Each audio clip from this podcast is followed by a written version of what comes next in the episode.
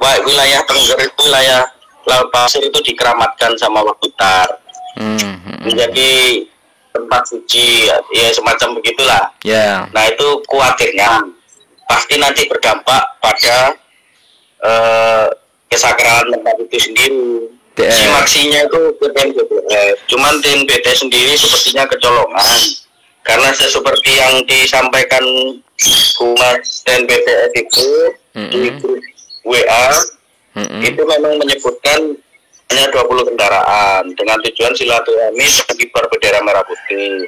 Hmm. Tapi kenyataan yang di lapangan itu berbeda. Itu.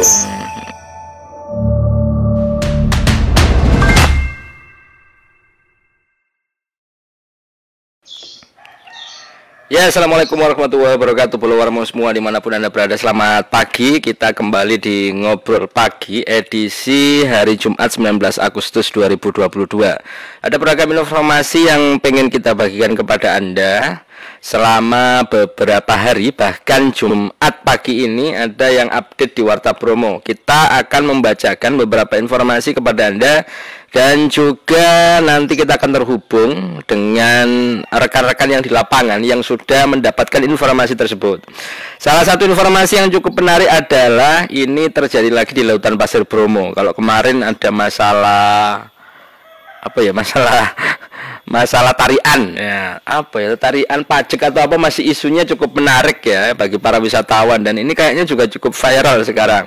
Nah ini kemudian ada ratusan pajero yang diminta untuk pulang kembali ketika mereka ternyata datang ke lautan pasir dengan jumlah cukup banyak. Nah ini berita yang cukup trending di kita untuk saya bagian kepada Anda. Saya akan membacakan beberapa informasinya ya terkait Pajero. Wah, ratusan klub mobil Mitsubishi Pajero yang menggelar acara besar-besaran di area kaki Gunung Widodaren atau tepatnya di Lautan Pasir.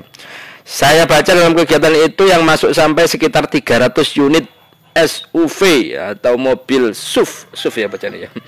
Ya, mobil ini merupakan Mitsubishi Pajero yang jumlahnya banyak. Sepertinya klub bikin acara di sana, cuman ini ada pertentangan gitu ya dari teman-teman lokal yang ada di sana maupun ini kita dapatkan informasi juga dari Humas Forum Sahabat Gunung. Katanya memang izinnya, eh, gini ya, semalam saya mendapat kabar bahwasanya ada pergerakan 300 unit masuk kawasan itu. Nah akhirnya eh, ini beberapa warga juga meminta untuk kembali gitu. Ada videonya, Anda bisa lihat yang video amatir yang direkam oleh warga. Jadi teman-teman sebenarnya hasil kesepakatan dibatasi hanya 20 unit kendaraan, tapi kemudian yang masuk katanya jumlahnya cukup banyak. Sementara TNBTS juga mengetahui, tapi kita juga belum tahu ya bagaimana eh, update selanjutnya karena ini eh, dinyatakan oleh Humas TNBTS memang ben- membenarkan kemarin ini ya hari tanggal 18 ada izin katanya simaksi komunitas Pajero. Nah ini cukup cukup ramai juga menjadi pembahasan. Ada beberapa yang ngomong "Loh, kalau chip boleh, kok kalau chip kok boleh gitu dan sebagainya. Kalau Pajero tidak boleh dan sebagainya. Ini karena memang eh, Gunung Bromo sudah menjadi daya tarik yang cukup besar, tidak hanya eh, masyarakat yang datang tanpa bawa kendaraan ya, tapi akhirnya ada klub-klub. Dan saya lihat beberapa video yang cukup beredar memang teman-teman komunitas Pajero ini beberapa kali sih 2019 juga pernah ada itu kayaknya. Saya akan mengupdate informasi ini di berita pertama ini dengan eh, rekan kita yang ada di Probolinggo, Mas Happy. Nah, ini saya sudah terhubung dengan orangnya ini yang memberikan informasi ke Warta Bromo kaitannya dengan Pajero yang rame sekarang. Ini trending baik di TikToknya Warta Bromo ini yang nonton sudah jutaan viewer jutaan dan komentarnya juga sangat beragam. Mulai yang dukung teman-teman komunitas maupun yang kontra karena eh lek chip kok oleh dan sebagainya. Tapi kita nggak membahas itu. Kita membahas informasi ini ya gimana ceritanya kemudian seperti apa yang sudah sampean dapatkan Informasi awal memang seperti yang diberita itu. hmm. Jadi izin simaksinya untuk 20 20 kendaraan. Hmm. Hmm. itu yang saya dapat atas nama Eko Gendra kalau nggak salah ya. Dari komunitas Untuk- ini ya, 40 dari klub ini ya. Nah, ya, untuk 40 orang dan 20 kendaraan. Hmm. Nah, tapi ketika pelaksanaan itu jumlahnya malah sampai 300-an. Oh. Dan itu disaksikan sendiri sama beberapa warga lokal. Hmm. Masuknya kendaraan-kendaraan itu. Hmm, hmm, hmm. Kalau peralatan itu masuk dari Probolinggo. Nah, kalau untuk Pacirunya dari Pasuruan gitu. Hmm. Nah ini kenapa kok teman-teman sampai eh, marah ataupun berang gitu?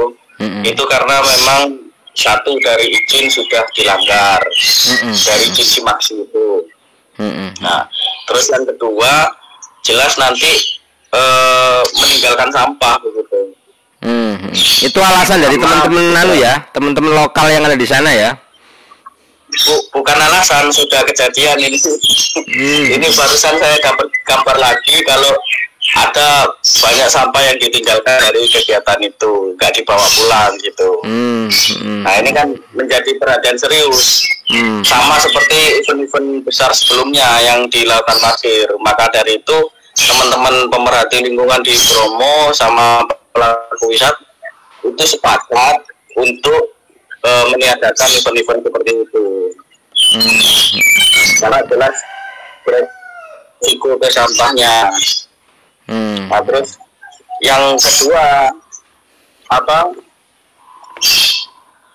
ada panggung besar di situ sama lampu sorotnya juga. Nah ini kan wa- wilayah Tengger itu wilayah Laut Pasir itu dikeramatkan sama Wakutar Hmm, hmm. menjadi tempat suci ya, semacam begitulah. Ya. Nah itu khawatirnya pasti nanti berdampak pada eh, kesakralan tempat itu sendiri. Hmm. Entah itu berdampak pada kehidupan warga Tengger secara langsung Hmm. yang memegang teguh keyakinan di sana kan, Hmm. atau ada dampak-dampak yang lainnya, misalkan sampai ada korban jiwa atau apa gitu, Hmm. karena eh, si sepuh yang di sana nggak terima lah gitu. Hmm. Kan akhirnya ada masyarakat adat, eh, pelaku wisata sama pemerhati lingkungan eh, melarang hal-hal tersebut di lautan pasir. Hmm. hmm. Jadi begitu Pak Yogi. Ya. Tapi ya lo eh apa? Jadi mereka ini izin sudah izin ya sebenarnya membuat event itu ya. Izinnya ke mana mas itu teman-teman itu? Kalau yang tadi saya mendapatkan ada koordinator. TNBTS. Oh ke TNBTS. Simaksinya itu ke TNBTS. Cuman TNBT sendiri sepertinya kecolongan. Karena se- seperti yang disampaikan Humas TNBTS itu di Mm-mm. grup WA Mm-mm. itu memang menyebutkan hanya 20 kendaraan dengan tujuan silaturahmi kibar bendera merah putih.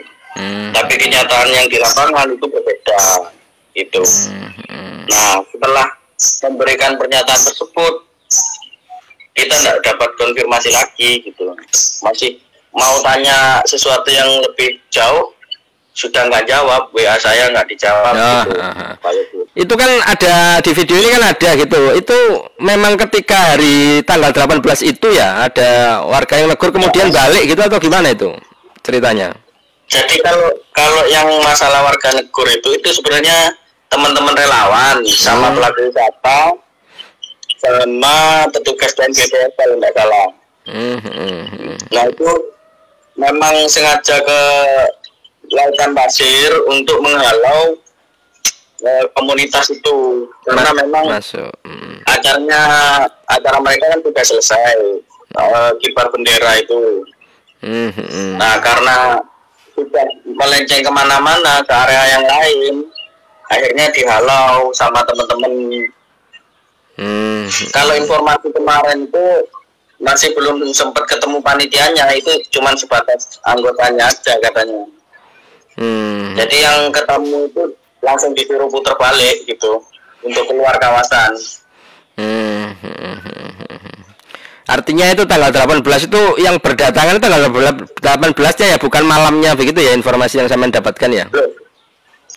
Kalau masuknya ke kawasan itu malam, Pak. Oh, malam. Di ya jam 12 sampai jam 1 kalau tidak salah itu masuk masuk kawasan. Hmm. Informasi yang saya dapat itu lepas jam 1 mereka nggak nggak ada yang masuk sih. Hmm, hmm. Jadi se sebelum jam satu itu sudah ada ratusan kendaraan ya yang ke lautan pasir ya? Iya, yang yang bergerak itu yang masuk ke lautan pasir. Hmm, hmm. Perkiraan ada berapa kendaraan, Mas Happy, yang saya mendapatkan informasi ya, meskipun tidak persis. Kalau informasi dari relawan itu sekitar 300-an, Pak. Oh, banyak berarti ya. Hmm. Dari oh, sekitar 300 dan itu juga sempat divideokan sama teman-teman relawan. Hmm.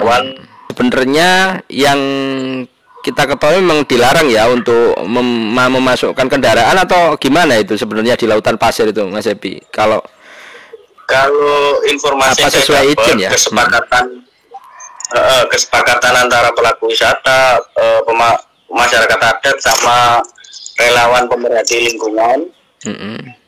Itu untuk masuk kawasan hanya diperbolehkan 20 unit kendaraan untuk tiap komunitas yang masuk. Hmm. Gitu.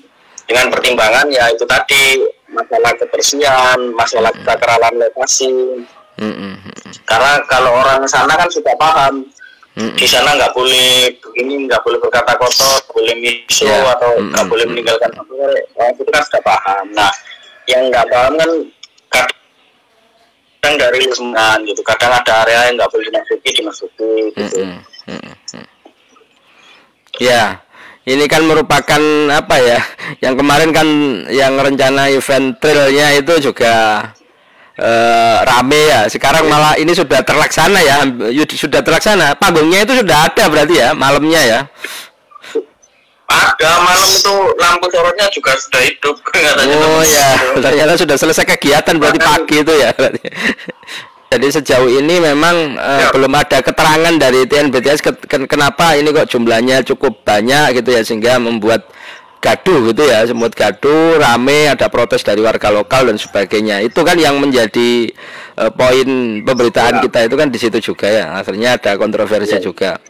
Terima kasih sudah ya. berbagi keceriaan. Oh, kok keceriaan nih kayak ya? berbagi informasinya. berbagi informasinya.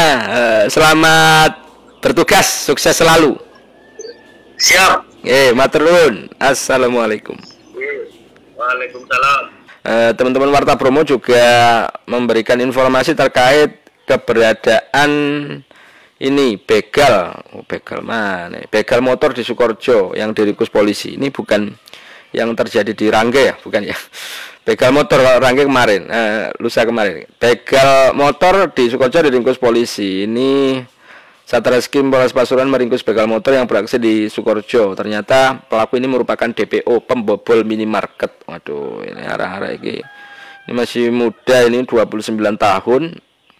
Pelaku katanya warga Desa Ngadi Mulyo dan sekarang sudah diamankan di Polres Pasuruan. Kemudian ini juga dari Probolinggo, tak kooperatif kejari Probolinggo ancam jemput paksa mantan kades surat tulis. Wah, ini kasus korupsi Dede nih kayaknya ya, Kades surat tulis. Ini juga bisa Anda update di Warta Bromo. Ternyata ini ada penjemputan faksa dari Kejari terhadap mantan Kades curah tulis di Probolinggo, Kecamatan Tongas, Kabupaten Probolinggo. Sampai jumpa, selamat pagi. Selamat pagi ini, pagi menjelang siang ya. Sukses selalu, jangan lupa yang muslim, sholat Jumat. Assalamualaikum warahmatullahi wabarakatuh.